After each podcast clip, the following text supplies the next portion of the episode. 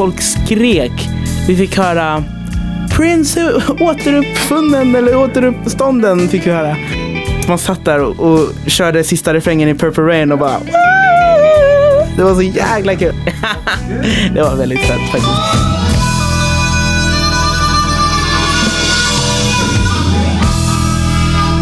Ja, hej och välkommen till avsnitt 79 av Bastusnack. Det eh, har ju gått en tid sedan förra avsnittet men så kan det vara ibland och eh, jag tror att Bastusnacks lyssnare har förstått att eh, det är en synnerligen ojämn podd för tillfället. Dagens gäst är ingen annan än förra årets Melodifestivalvinnare Tusse.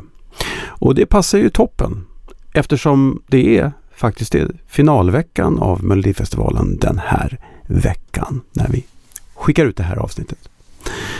Eh, normalt sett så har jag ett swishnummer där man kan eh, swisha lite saker. Men eh, eftersom vi dagen till ära har en eh, ambassadör för UNHCR i bastun så tycker jag att ni, ni skickar pengar till dem istället.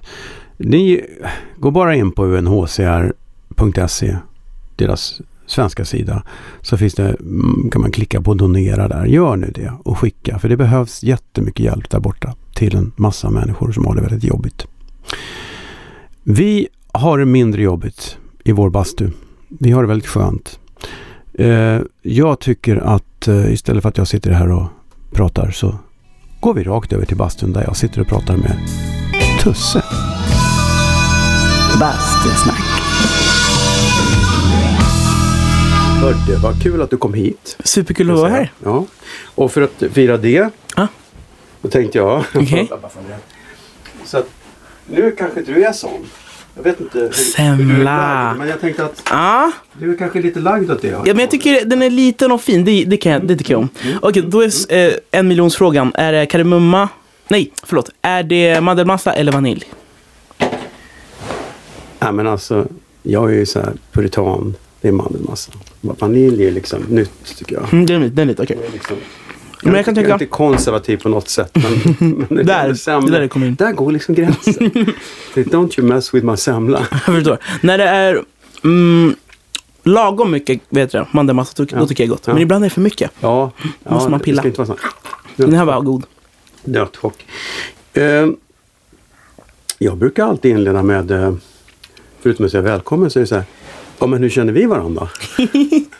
Ja, men vi träffades väl första gången när vi gjorde eh, eh, julshowen. Ja, Stjärnklart. På börsen. ja. ja. Det var ju skitkul. Ja, ljudet var perfekt. Det var magiskt. Tack, tack. Men det är bara för att vi har så mycket bra material att jobba med. Ah, det är där det Man kommer behöver en bra sångare, vet du. För, just det, för att kunna ratta rätt. Jag tror att jag hade klarat det väldigt bra utan också.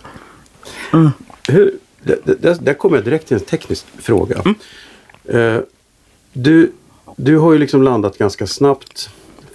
Gått från att sjunga lite här och var Mm. till att breaka och gå in i de största sammanhangen. Väldigt kort tid också.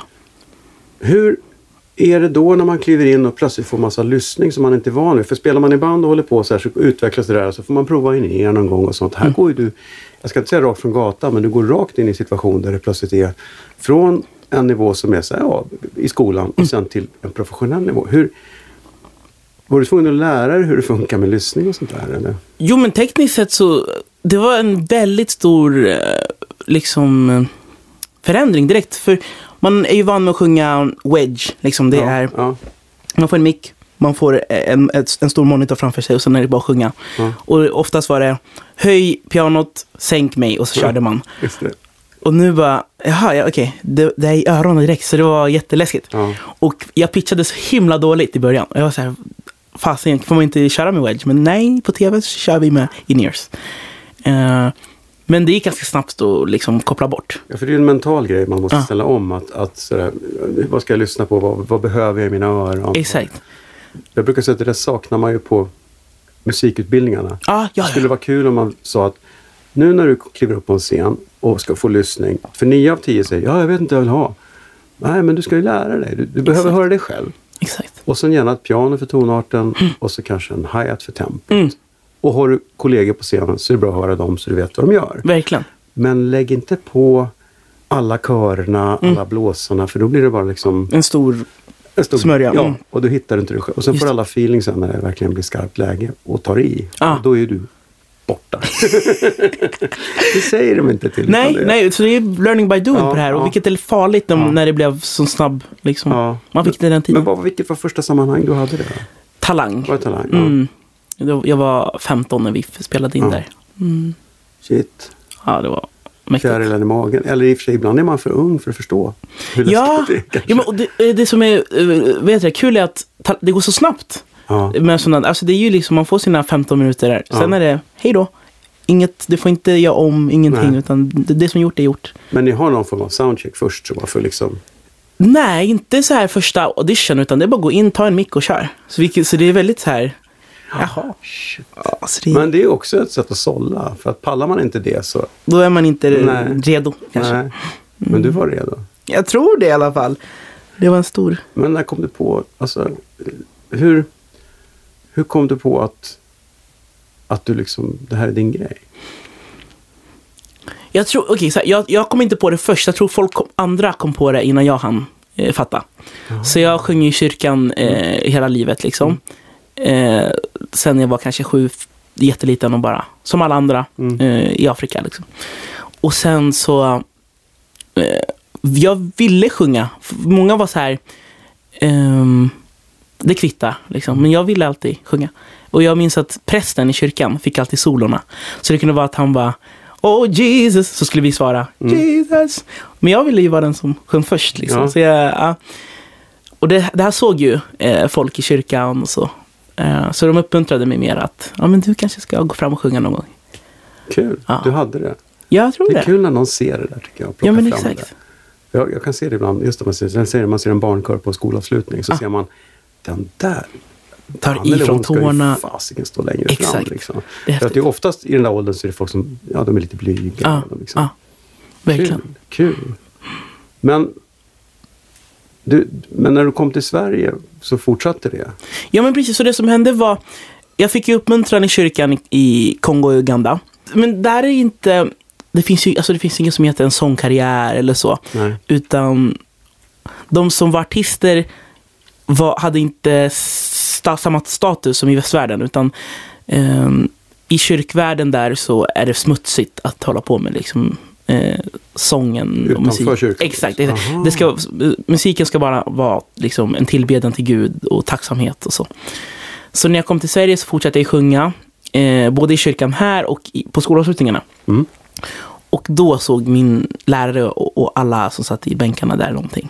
Eh, för här var det ingen som vågade ta i alls. Många mimade och när de bil- blev tillfrågade om de kunde ta en rad solo, då var det nej, kanske inte.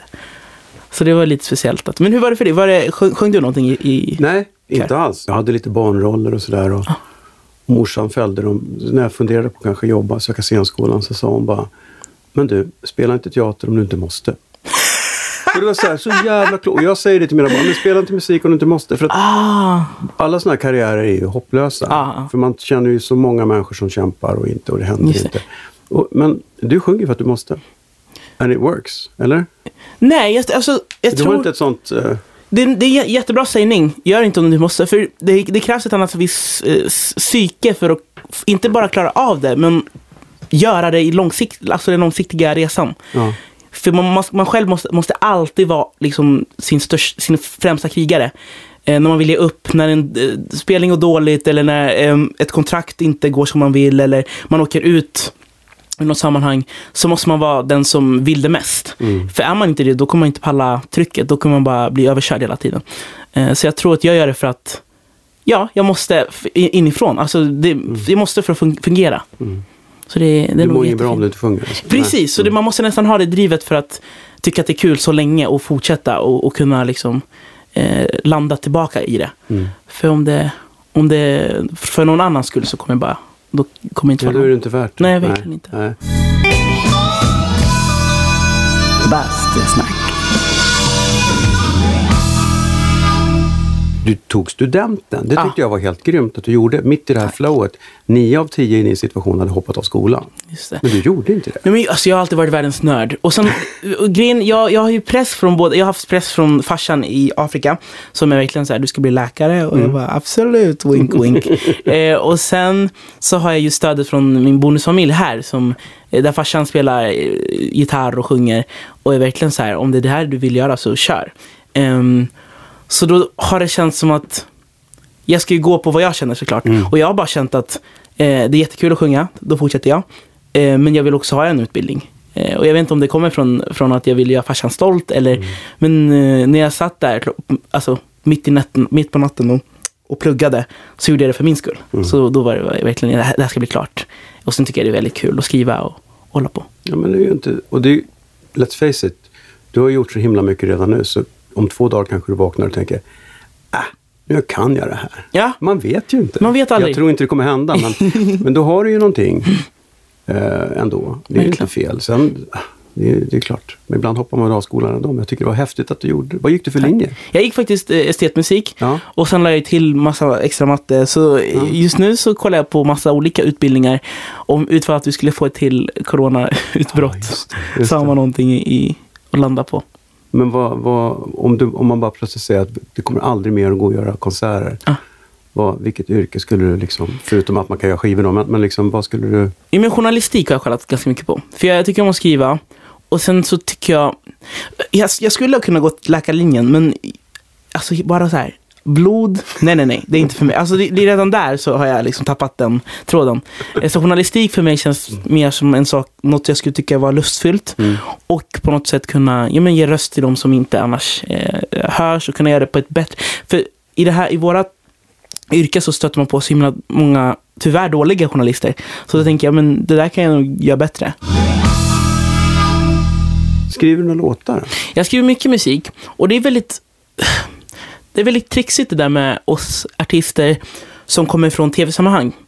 Att just i Idol så hamnar man i ett kontrakt som är gjort för nybörjare. Som är gjort för liksom folk som bara hamnat i det programmet och råkat vara bra.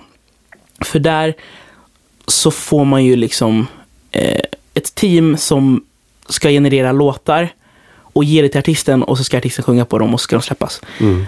Och jag hade kommit längre än så, för jag skriver ju själv och jag vet ju vilken typ av musik jag vill sjunga.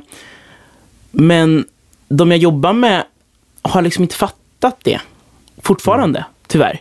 Så det tar ju ett tag att komma in i där man klingar, där man klingar med artister, alltså med, med mina liksom viljor och bol- skivbolagets viljor.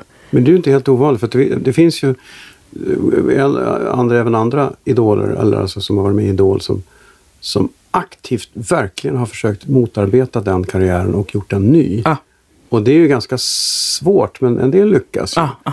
Men, men eh, om man dessutom då har ett avtal som, hur långt är, det kanske du inte kan säga, men hur långt är avtalet? Ja, men eh, fyra år nu kan Ja. det vara som max. Så, Ja. så de har ju de har blivit bättre. För Ja, man har ju hört eh, mardrömmarna om hur långa som helst. Liksom. Så du kan börja, äntligen börja köra dödsmetall om fyra år. Det hade varit skitkul. och rap och hela... Ja. Men vad lyssnar du på för musik? Vad är din lyssnar, men jag lyssnar mycket Jackson. Ja. Eh, det gör jag. Eh, och på senaste ti- tiden mycket Sia. Eh, så hon, jag tycker hon gör så himla coola grejer och hon tar in poppen i en värld som jag inte annars hör. Mm. Så det är häftigt att, att hör, lyssna på hennes grejer. Men har du någon så förebild? Vad kommer? Alltså, från början, vad lyssnade du på när du var i den här när du var mindre? Jag kan inte säga liten, för jag tycker fortfarande... Nej, förlåt. Nej, du är vuxen. Nej, men vad lyssnade du på då när du var så här 12? 12. 13? Ja, men då, alltså, då var det faktiskt mycket kongolesiska salmer, eh, mycket sånt. Och sen när jag fick eh, lite mer fri, frihet där så blev det Jackson och James Brown och Bruno Mars blev det mycket Mm. när jag växte upp. Det var då han, som, han var som störst. Liksom. Eh, det tycker jag ändå har smittat min Mm. eh, ja, men, musiksmak och, och det jag gillar att göra och det som är roligast att skriva. Så det är mer åt det hållet som kommer? Jag hoppas det. Men det samtidigt så tycker jag att man sätter sig där i studion och ska sjunga så finns det så mycket möjligheter. Så allt är kul. Eh, så jag tror det kommer liksom vara en, en resa man får göra själv. Liksom att, okej, vad för album vill jag ha nu? Vad för stuk vill jag ha på det här? Eh, så Det gäller inte att förvirra fansen heller. För du har ju en fanbase. ja, Ej att förakta. exakt. Och någonstans är det så här. Ska vi göra låtar för dem så att det fortsätter? Eller ska jag göra något helt annat? Jag tänker på Lisa Nilsson. Hon blev ju plötsligt ganska trött på Soul-Lisa, liksom himlen runt hörnet Just det. Lisa. Och bara drog till Brasilien och började lyssna på liksom annat. Ah, ah. Och då tyckte folk, fan vad dum hon är som tappar hela sin karriär. Och sen i, i, i backspegeln så är det, nej, det var bland det bästa hon har gjort. Ah, för ah. att då utvecklades ju hon som artist och som det. människa. För hon är ju inte där, till viss mån så är du där för publikens skull. Men Ah. i slutändan så är det ju din konst. Ja men verkligen. Det är, som sagt, det faller ju och det st- står och faller med mig. Ja, alltså, ja. Så, så, så fort man inte har lust, så fort man går in i en studio för någon annans skull så ty- tycker jag man redan har tappat Ja. lusten. Eh, faktiskt. Men du gör ändå, ja, men, det är kul, men du känner ändå att du kan göra det hörd. Det är en resa tror jag. Ja. Eh, och faktiskt just nu måste jag säga att jag är väldigt frustrerad. Mm. För det, i två år har jag suttit, skrivit, gjort både musik för min skull och för andras skull. Och sitter hemma och lyssnar på så himla bra demos som inte kommer ut. Och det är så frustrerande, men det är så sjukt. Ja, ja. Du vet, jag lyssnar ju mer på så här, filer på mobilen än på Spotify, vilket Mm, är mm. märkligt. Ja, men det är kul. Då kan du ju å andra sidan planera och liksom bygga och tänka att det här, det här är grejen. Ja, men verkligen. Så, Och så får det andra rulla på. För det är ändå... Det, det är som man känner att... Det, det, är, jävligt- det är ganska otacksamt också att det har gått så bra, måste man känna. Så- exakt, exakt. För det är så här, vad fan har man för mål nu? Ja, det är ju... Det, det jag läste någonstans att du faktiskt ledde allsång när du var 14. Jag? Ja, i... ehm, ja, jag har grävt lite här. Det, På gud. bygdegården i Ranstad. Ah, just det. Gud, det här, var- det här är åratal sedan. Det, alltså, det är tänker, då är liv. du så här... Du har ju redan gjort allsången. Nej, men, du borde ju vara nästa. Så här, du borde ju vara nästa. Du har ju en klar talang för det där känns det om du har börjat så tidigt. Hur var det? Var kom det ifrån? Då? Nej, men jag körde, där körde jag lite Måns Zelmerlöw-låtar. Nej, men jag, jag varit världens största Mello-fan när jag var liten.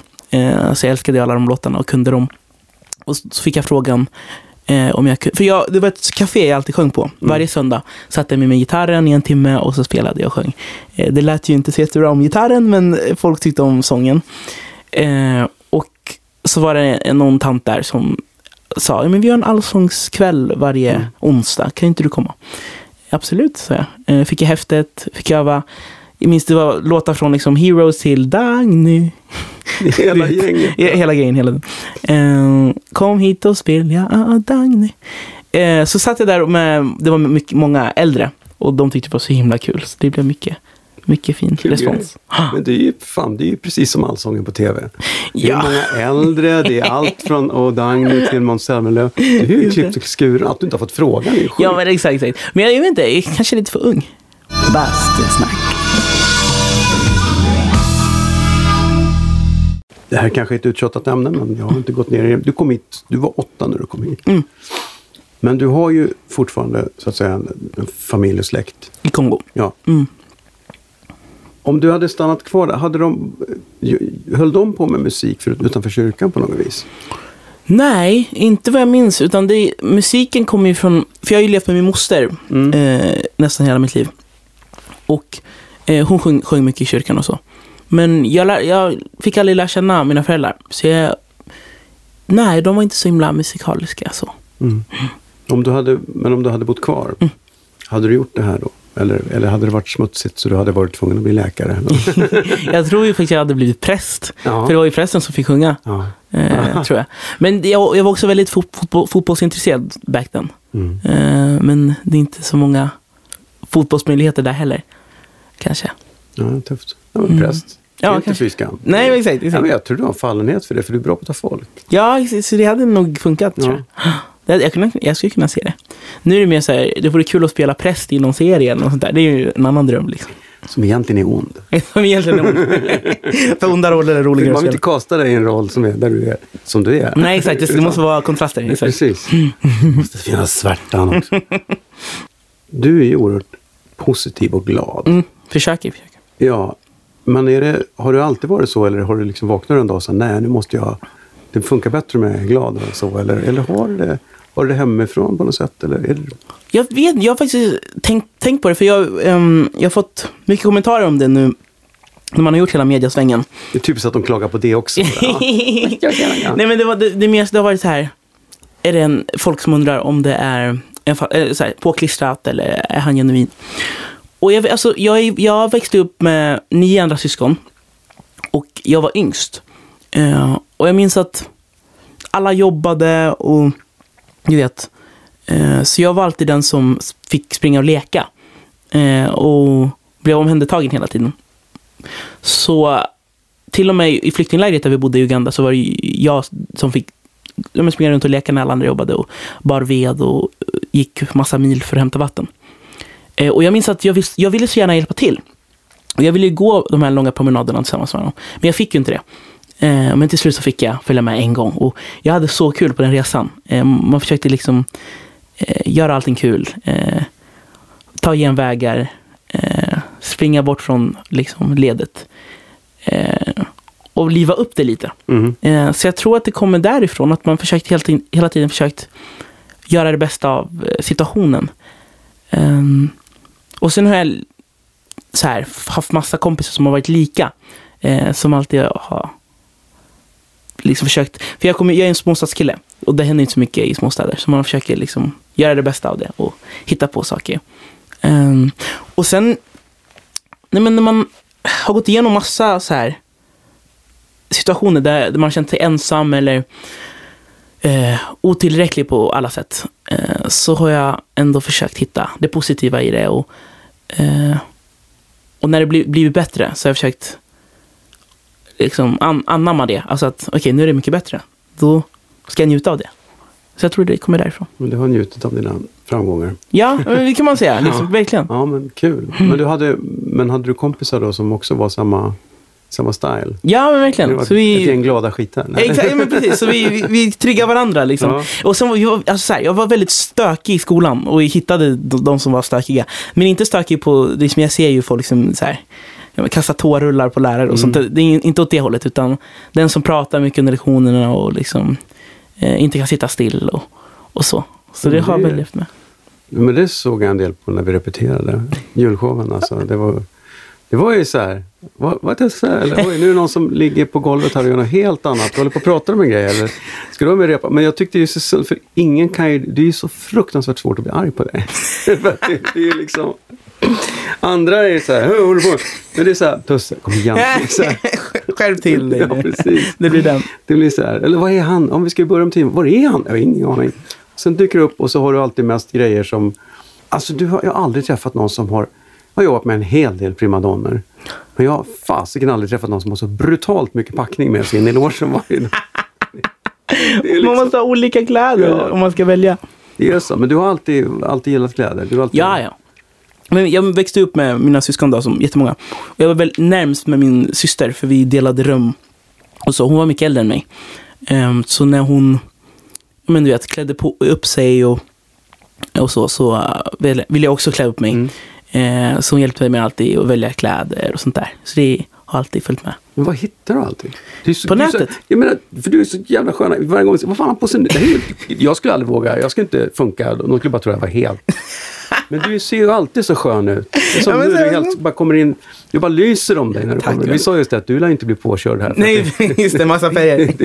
Ja, men jag tänker, så länge det är bekvämt och så här färgglatt så brukar Ja. jag trivas. Jo, men jag är uppe på nätterna på nätet och bara scoutar efter kläder. Och det är, en, det är faktiskt en väldigt dyr hobby för på natten också, man är väldigt seg. Så man trycker bara i varukorgen, köp. Så vaknar man och bara, ja, jag spenderar precis 3000 på massa kostymer. Men jag hittar dem billigt, men eh, Men får du kvantitet en massa blir... kostymer för 3000 då är det ju ett bra pris. Exakt, exakt. Men det är ju, Det är- när det händer varannan vecka så Ja. blir det inte bra i längden. Men då, då, eh, du har ju en liten eh, fågelviskare till mig att du precis har köpt lägenhet. Ja, Ah. Då uppstår omedelbart frågan, har du typ många garderober? Nej. Det är det, jag har en stor, men den kommer inte räcka. Så jag, Ah. Vissa kläder kommer inte kunna följa med. Okej, så Måste du, nog- det är inte så att du tar in en snickare och liksom Så stort är det bygger inte. om ett sovrum till Nej, det hade, jag walk-in hade, oh, det hade suttit väldigt fint. Nej, jag kommer nog faktiskt sälja några av mina älsklingar. Så det blir. Tusse Auction på Tradera där. Liksom. Exakt. Precis. Då ska jag We like, Tusse. höja priserna. 3000 för en kostym. Det är fortfarande billigt. Ja, det är sant. Det är sant. Men det är inte, det är inte så här, så här jättefin kvalitet och så, utan det är bara snyggt. Det är mycket färg. Tillräckligt. Ja, just det. Men man får inte lägga med tvättmaskinen för dyra. Exakt, då försvinner allt. Nej, men det är här för hand. Det är för hand. Precis, man spiller vatten på den så oj, den blev vit nu. Den hade en annan färg nyss. Exakt. Man får vara försiktig. nej, du ser inte, du ser, you don't look cheap. Tack. Jag gillar det. Jag gillar det. Men jag tror det är en kongolesisk grej. Det är att alla killar ska Ja. åka till Kongo så, och det är söndag och alla ska till kyrkan. Då är det, Det är man så? klär upp sig till tänderna. Det är så? Verkligen. Kul. Det är lite så här tupp uppvisning liksom. Så, Ja men det blir så. Det blir så. så. Exakt, exakt. Kolla, check me out. Precis. Härligt. Man måste åka dit och kolla läget. Ja, tänker jag, samma sak. Jag har inte varit där sen. Men du, det, i, i samband med hela det här, det, det, det är ju såklart eh, har att göra med var du kommer ifrån, att du blev eh, ambassadör för UNHCR. Ja. Det är ju superfint. Ja, men det kändes som en självklarhet. När de frågade så var jag så här, ja men det är klart. Det, är, eh, det känns så himla symboliskt på något sätt också. att eh, För det här flyktinglägret som vi bodde i tre år, det var ju UNHCR som hade hand om det. Eh, och hjälpte oss på alla sätt. Eh, så det kändes så Så du himla... vet att det funkar. Ja, exakt. Så man vet ju att det är ju väldigt bra, det går bra nytta av de här pengarna som man hjälper till att samla in. Det går till rätt sak. Så det är det du, du liksom, det går ut på att du, du är med och berättar att this is, det, det, är det Ja. här vi ska, ja. Verkligen. Vi kommer göra massa satsningar eh, där jag kommer få besöka de här eh, liksom ställena och faktiskt se eh, vad det är man är med och bidrar till. Mm. Vad mycket bra och sen också visa hur mycket dåligt Mm. eh, som liksom sker just nu. När Ja, men det behövs, tyvärr så behövs det ju alltid uppmärksamhet på de frågorna, för de faller ju bort ibland. Det är, Verkligen. liksom, det är lätt att de tappar fokus. De är inne i tre dagar för det är någon kris någonstans. Exakt. Men man glömmer bort att de här lägren finns ju där hela tiden. Exakt, det är, på, det är pågående hela tiden. Och det känns som en häftig grej att, att kunna stå för. Ja, Så att det inte, då vet jag att det inte det är inte förgäves. nej. Men du var ju ändå så här, du sa någon gång att om man, om man vill ha en talesperson för människor som har haft det svårt, så är jag fel kille. Mm.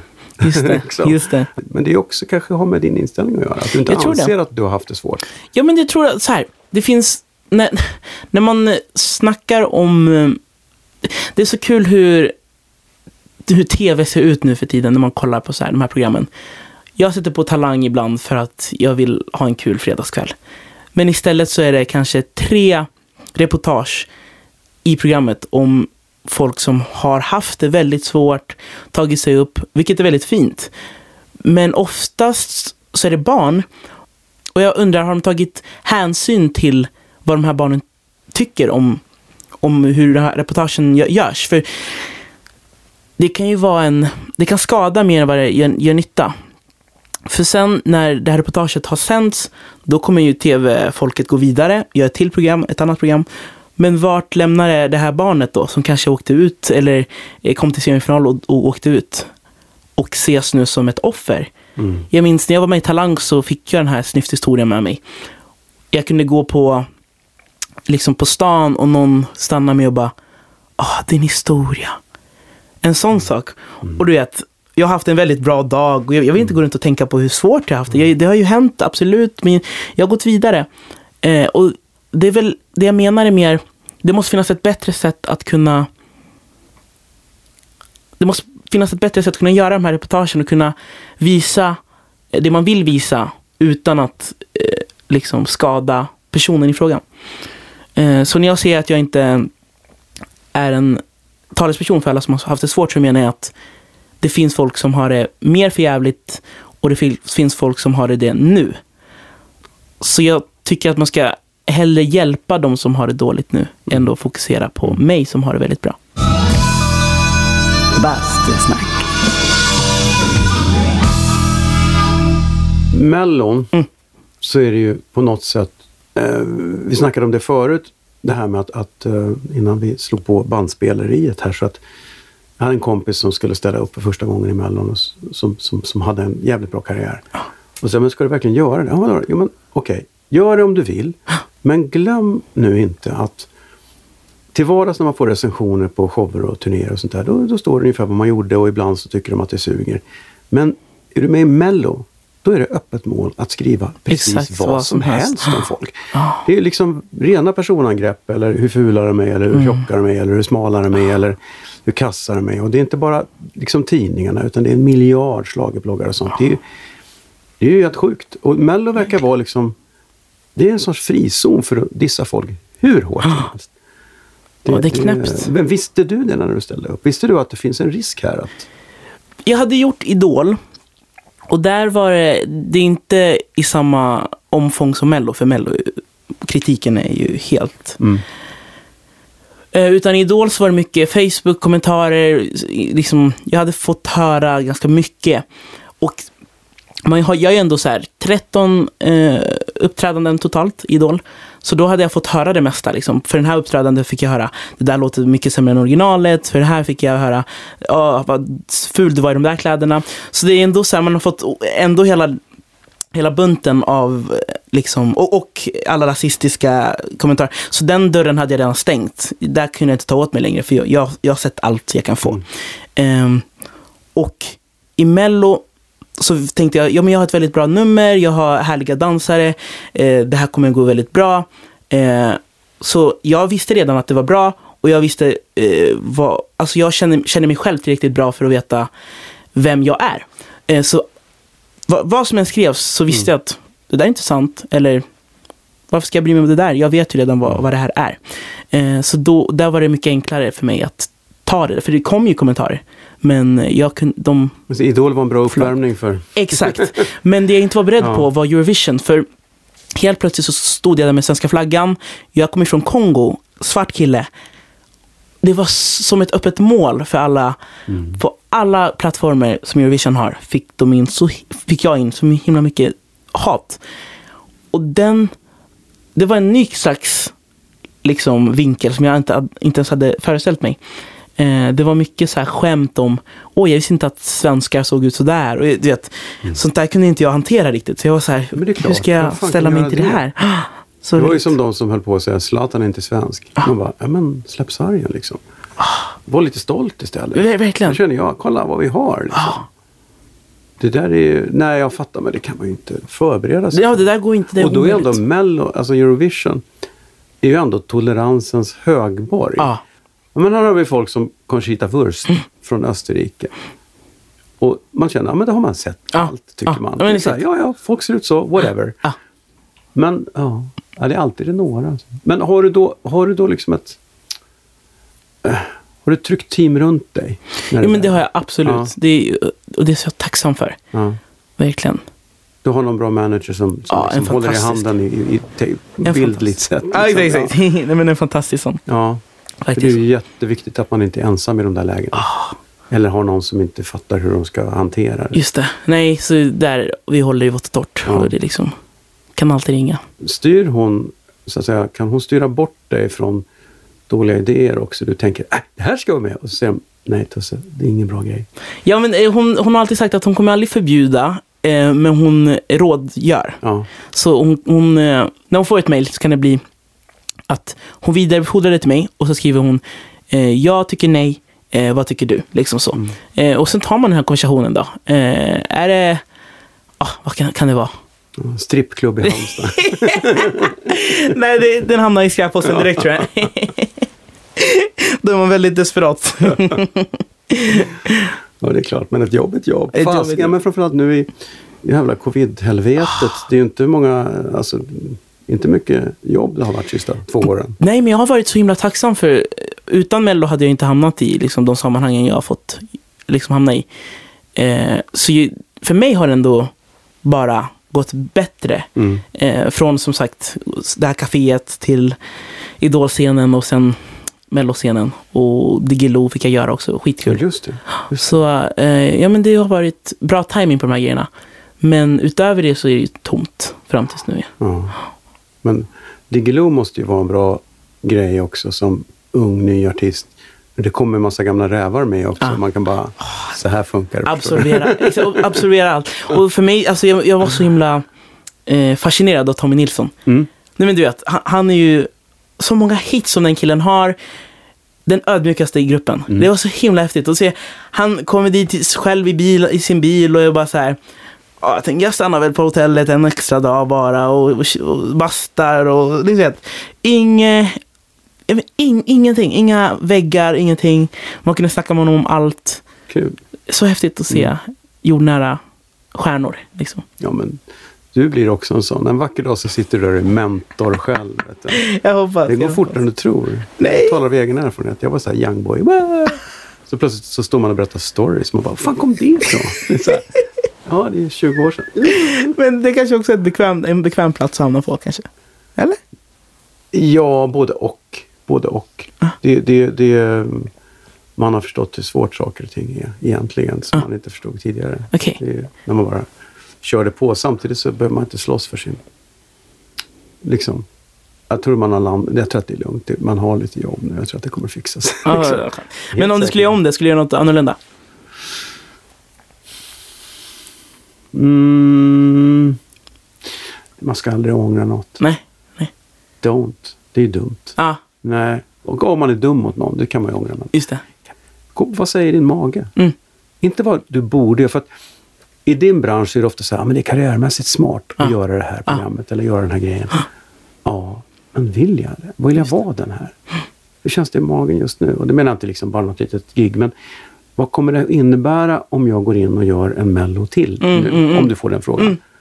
Är det värt är det värt det? Tänk om det inte funkar? Mm. Åh, gud, den Det kan ju funka pladasken. jättebra. Eller, ja, och, och, eller så kan man gå in och säga jag kan gå in och ha skitkul och jag bryr mig inte om det spricker för jag har min Ah, publik ändå. Jag gör det för att det är kul. Och det är så här, säger din mage jag ska ha Mello, då måste du, då får du göra det. Ja, men verkligen. Aldrig för att det är klokt att göra det karriärmässigt. Ja, då spricker det. Då spricker Så, det. ja. För jag får sån klump i magen när jag ser fantastiska tidigare, vi- vin, tidigare vinnare som ställer upp igen.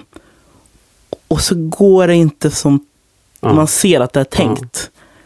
Och det känns som att på något sätt man besudlar vinsten och den här progress man har gjort Mm. sen dess. Liksom att, Mm.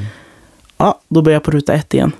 Tänker på När- när man ser. Tänker på någon särskild? eller? Nej. nej, nej, nej, inte alls. Men det är så här, när man, när man in, för det är klart man kan vara med igen och, och, och ha skitkul. Men Ja. när man ser att det inte är för att, om man säger promota någon turné eller eh, för att det är kul. Utan man ser att det är, jo, men det är för vinsten och sen blir det inte, Ja. blir det inte så.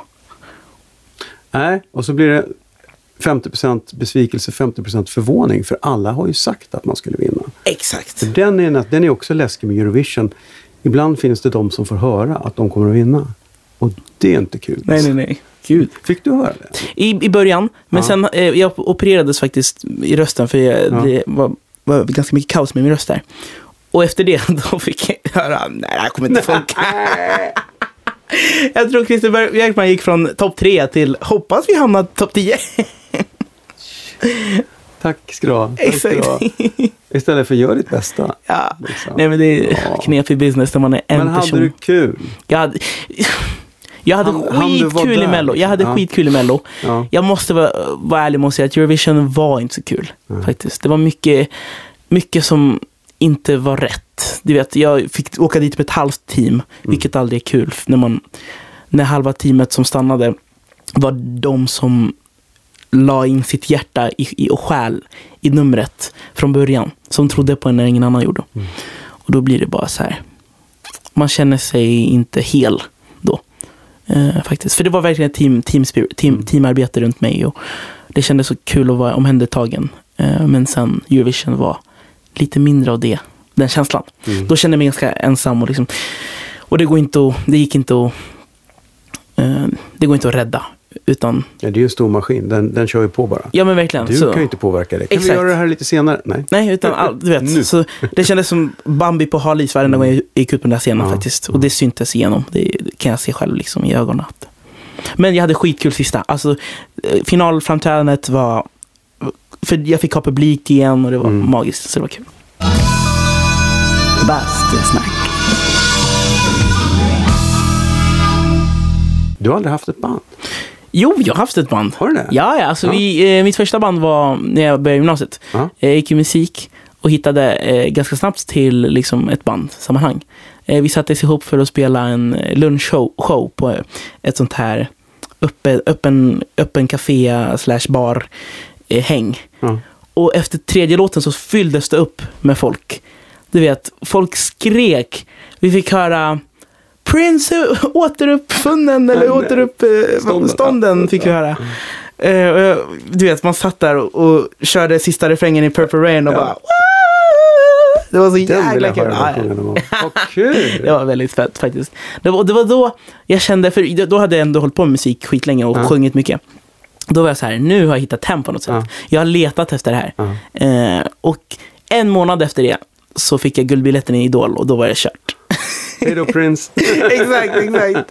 Så det var, det var faktiskt svårt att göra Idolresan utan grabbarna faktiskt. Eh, Ja. Jag tänk, längtade till att spela med dem hela tiden. Men spelar ni någonting nu då? Eller? Ja, vi började, alltså, så när jag hade gjort klart Idol så eh, fick jag lite spelningar och då eh, körde vi, han köra två innan pandemin kom. Ah, Ja, Så du har ändå det ja. bandet? ja. Vad kul! Och det är liksom dina homeboys från plugget. Exakt. Det är också extra skönt istället för att du tussas ihop med en massa folk som Jaha, vilka är det här? Ska ni åka på turné med mig? Eh, Exakt, ja, just. Och ja. turnégrejen också. Ja. Men blir det, blir det turné nu? Nej, utan nu Ja. är det, alltså för, för att kunna göra en bra turné så vill jag ju ha riktigt härliga låtar och jag vill Ja. ha liksom svängen. Och svänget. Och det har jag inte ännu. Så det handlar absolut om att sätta sig och göra musik som jag bara älskar, Mm. men som skivbolaget ska kunna skriva under på, vilket inte har hänt ännu. Nej, det är klart. Det är svårt att åka ut en turné och bara köra covers. Ja, det, det man- känns inte liksom- kvalitativt. Nej, nej, nej. nej, men då bidrar du din tid då. Spela in lite nästa sommar då kanske. Typ. Jag hoppas det. Men Ja. samtidigt så stängde jag förra sommaren, men inget har hänt. Så jag blir Nej. bara så mm, frustrerad faktiskt. Fast du är 20 bast, kom igen. Ja, det är det, det, är det som jag landar i hela Det tiden. är liksom sådär. Mm, det finns tid. Nej, men så nu försöker jag faktiskt eh, skriva så mycket som jag bara kan med folk som jag tycker om att skriva med. Och det trivs jag i Mm. jätte, jättebra. Så det handlar bara om tajmingen. När Kul ut? att höra. Nej, jag är så spänd att höra. Det är Tack så jättekul. jättemycket. Jag kommer stå längst fram. jag hoppas, jag hoppas. Det, det, det är en kul eh, erfarenhetsgrej jag fick av Diggiloo. Man fick se hela poletten av Ja. olika artister. Man fick se liksom, okej den här slags publiken kommer komma när, när den här personen spelar. Och de här möjligheterna finns det. Och, eh, liksom så. så det var häftigt att se alla konstellationer av, av publik. Eh, typ Tommy Nilsson har gentemot eh, liksom Magnus Carlsson. Mm. Vad har du för publik?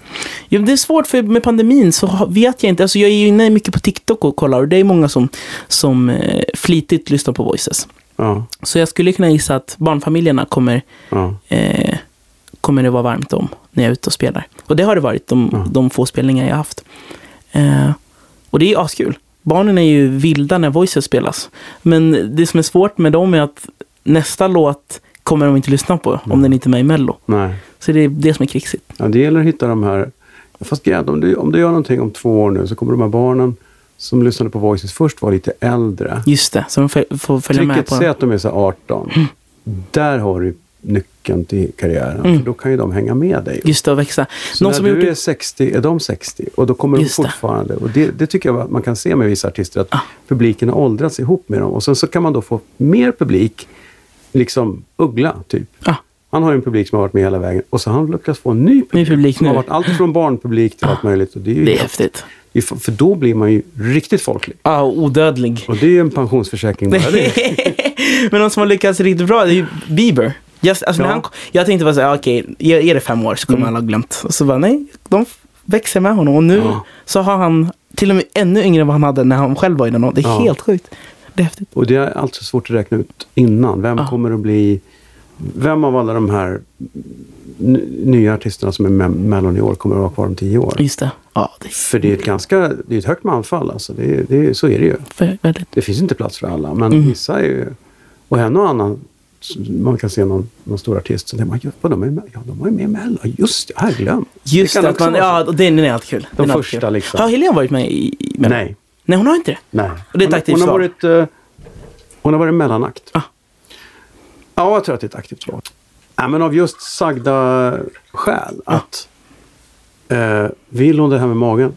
Nej, det tror jag inte. Nej, Ja, orkar hon med den typen av uppmärksamhet på det sättet? Nej, det tror jag inte. Då kan man kliva in och vara mellanakt eller något. Men att, nej. Jag vet inte. Jag, Mm. jag skulle bli skitförvånad om hon plötsligt gjorde det. Men, Ja. jag, det, det, men jag blev, liksom, när hon till slut gjorde Så mycket bättre så var det ändå sådär, okej. för att hon sa ju nej hela tiden till det också. Okej. Eh, nej, men också för att man, ska kanske till viss mån skilja det privata från det artistiska. Mm. Och där är ett gränsfall. Samtidigt så är det Ja. så många roliga musikaliska möten. Det blev ju skitbra. Asbra. Men, men man vet aldrig när man går in i det där. Det finns ju de som är väldigt offentliga i allting. Men är man inte det så...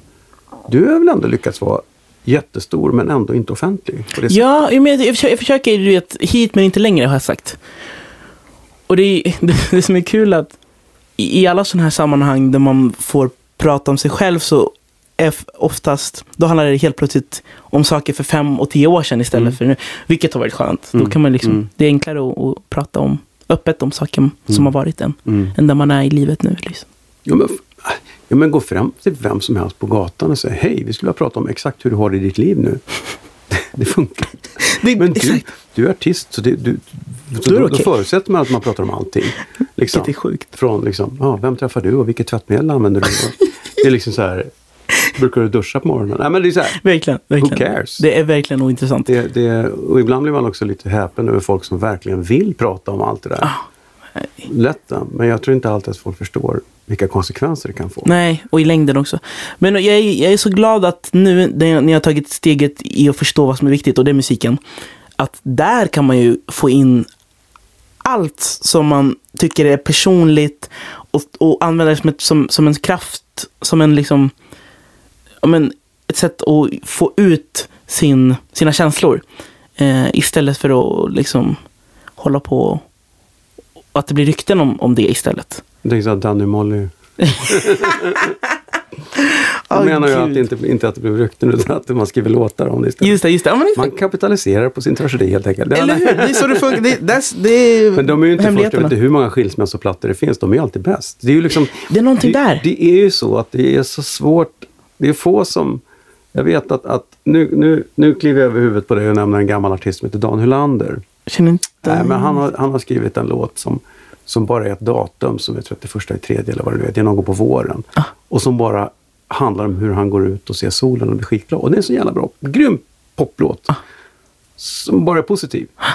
Men de låtarna är jättefå. Ja, just det, just just det. Är, så, det är liksom sådär, det, oftast så är det bara liksom, de bästa låtarna är ju de där det är jobbigt. Och Men vad säger, så- det, vad säger det om samhället? Alla mår skit. Ja, eller så är det att vi är dåliga på att gå runt och säga att allting är toppen. Ja. Liksom. Vi uppskattar de små sakerna.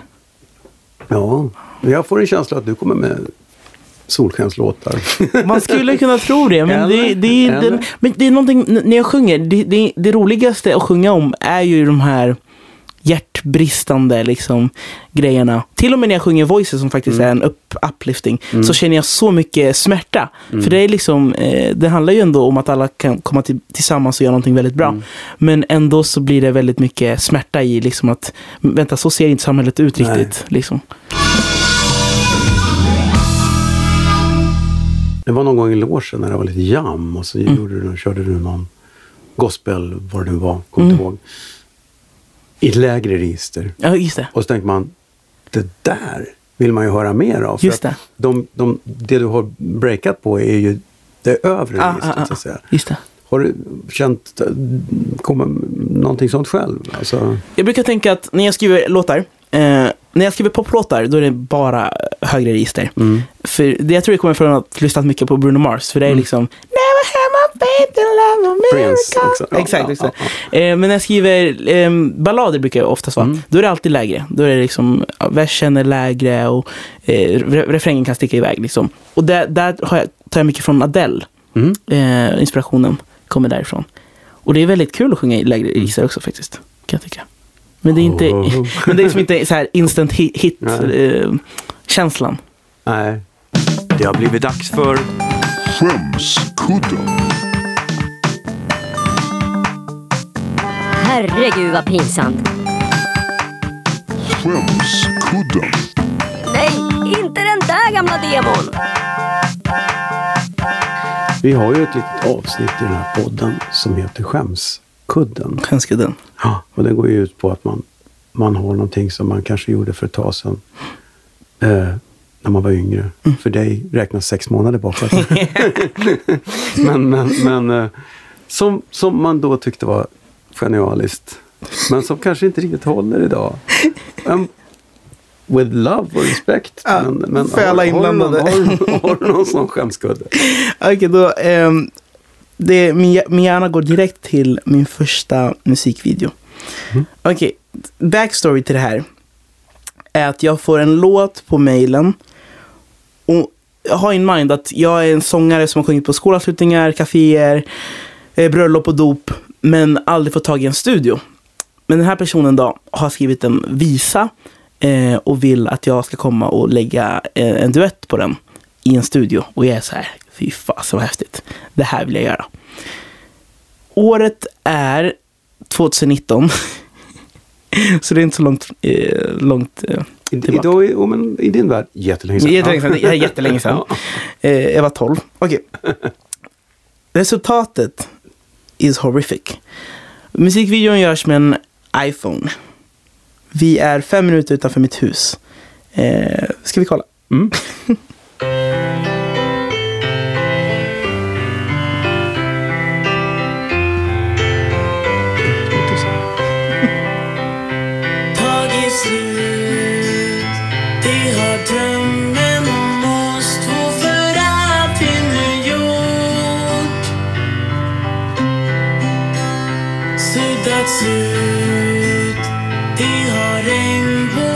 Blir svartvitt?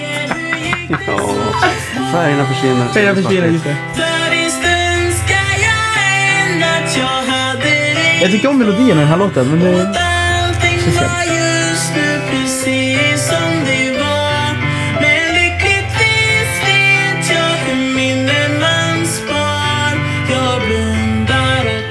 Inte mycket som händer i den här videon.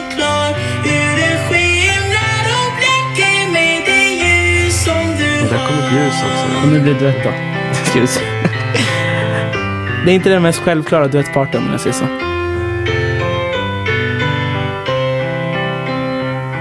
tagit slut Det har livet tillsammans och hoppet så stort Det här är vad kidsen lyssnar på nu för tiden va? Ja, jag känner att det här är... I, vad, hade, vad hade hänt om det varit med Talang? Hade det varit... Precis. Nej, men så jag vet inte vad jag tänkte. Jag minns att jag lyssnade på låten och tyckte det här är jättefin. Den här kan man sjunga på skolavslutningen. Ja, det var jättegulligt. Men, men det var inte helt rätt Väg. grej. Intressant med er två.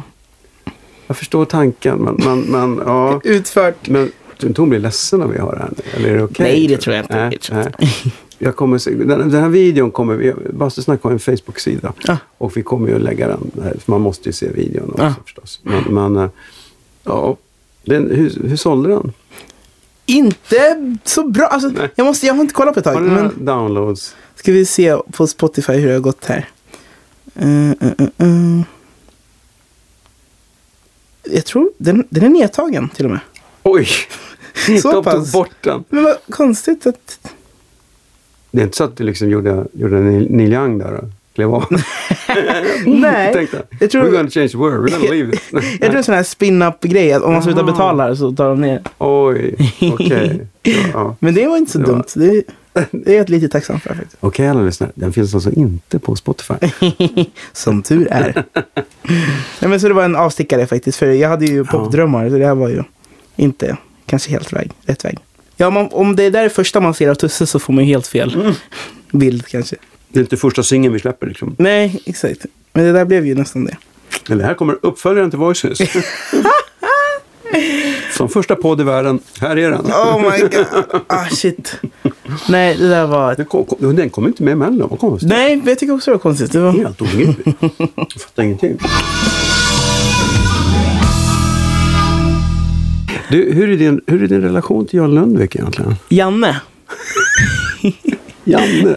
Ja, han är gullig, han är ärlig. Han har svåra skämt att knäcka ibland. Ja, Och han har svårt att förstå mina skämt. är det så? Mm.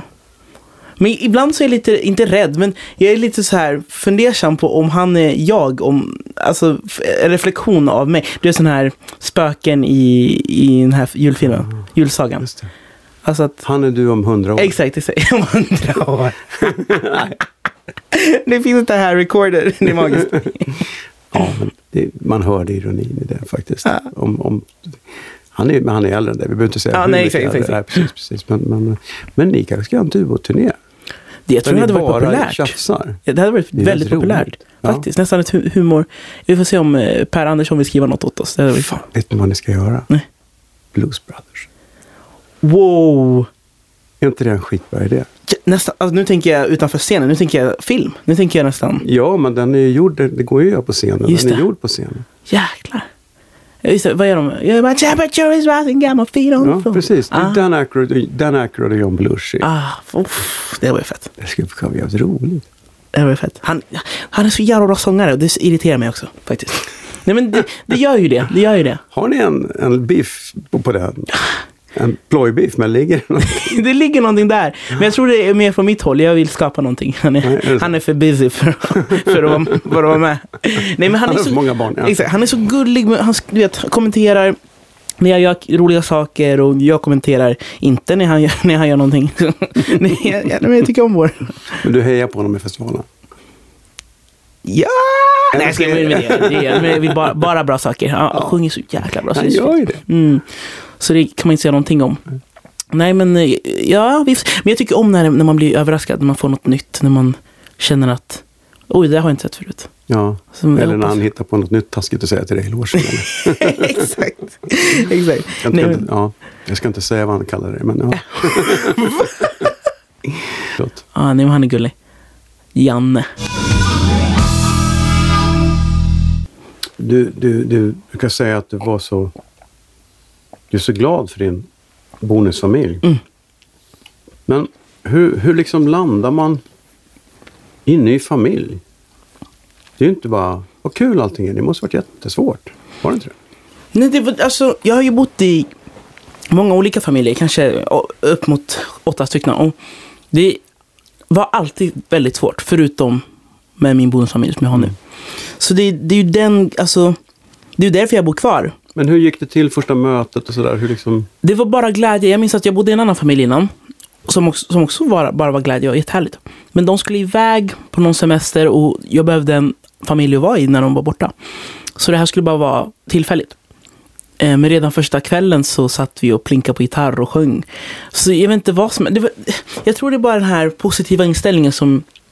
Där man hittar varandra i musik, där man hittar varandra i serier och, och kultur tror jag. För det var verk- verk- en verkligen kulturell familj. Eh, så vi...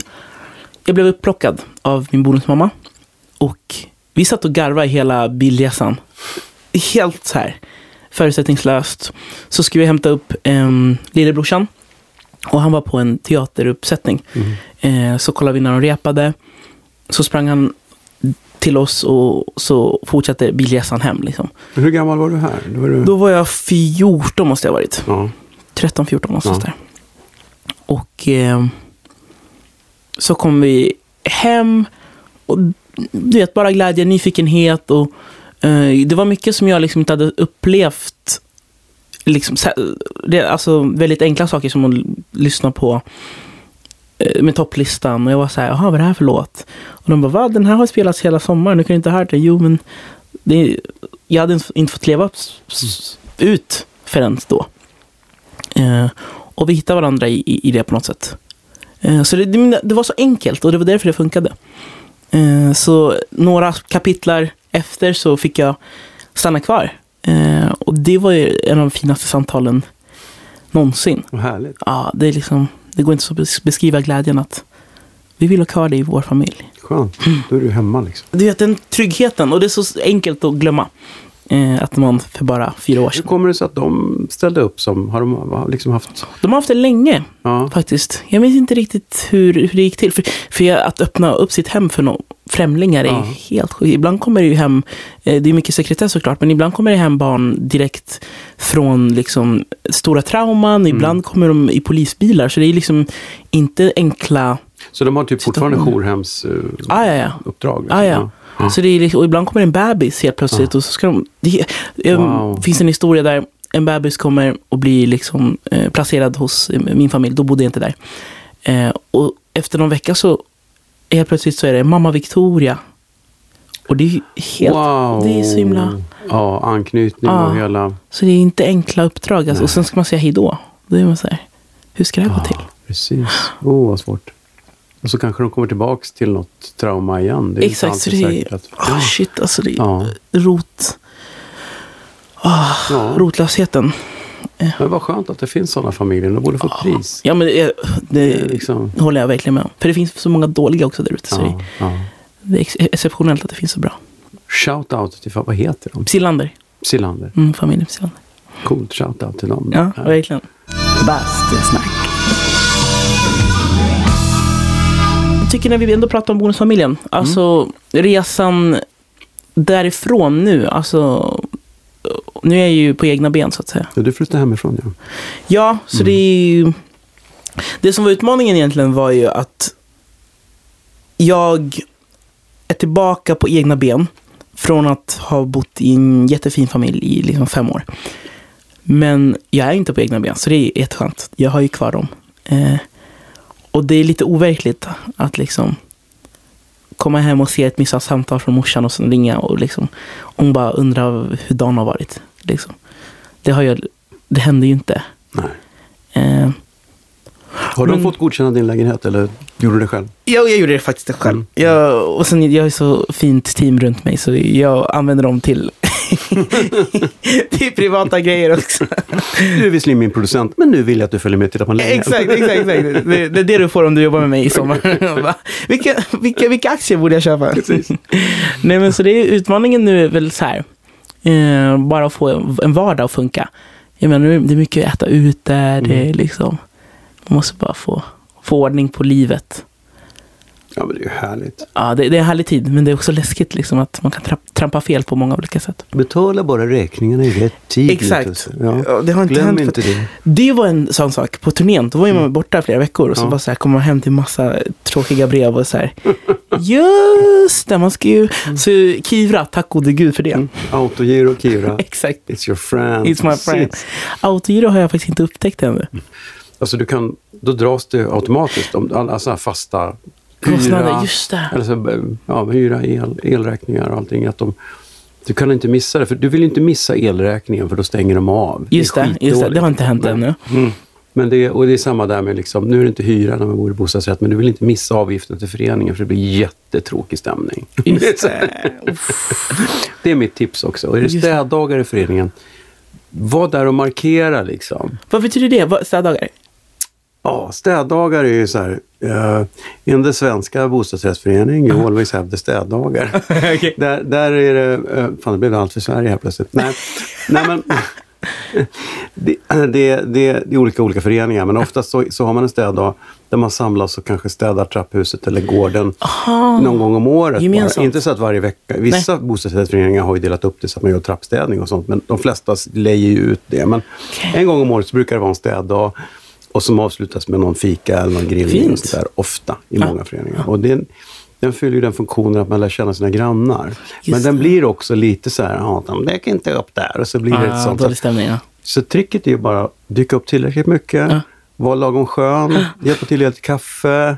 Sen är det klart. Det är klart, okej. Gud, det hade jag ingen aning om. För när du sa städdagar tänkte jag, ja men då måste jag flytta på bilen. Det var Ja, min... ja, just det. Jo, men det är städnatt. Ja, Städ- ja, den är ju samma, precis. Och där är mitt st- stående tips som, som före detta bostadsrättsinnehavare på Södermalm.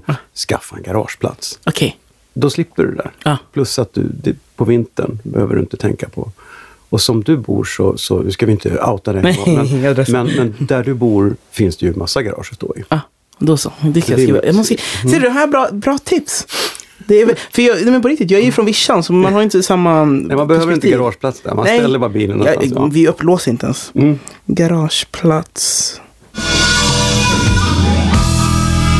Ja, eh, här mynnade podden mer ut i avdelningen David tipsar. Eh, vi vi fastnade i en massa bra tips eh, för hur en ung man ska klara sig i storstaden nu när han har flyttat hemifrån. Jag eh, hoppar den delen faktiskt för allas vår skull. Men jag vill passa på att tacka Tusse för besöket. Det hann jag inte göra när micken var på för vi, vi pratade så mycket liv. Eh, och som sagt, eh, gå in på UNHCRs hemsida och skänk lite pengar till Ukraina. Och kolla på Bastusnacks Facebook-sida. Där finns denna lilla video som eh, Tusse syftade till i sin skämskudde. Är den skämmig eller inte? Kolla själv på Bastusnacks Facebook-sida. Må så gott, eh, så hörs vi igen om en vecka eller två med ett nytt avsnitt av Bastusnack. Till dess, basta försiktigt. Bastusnack.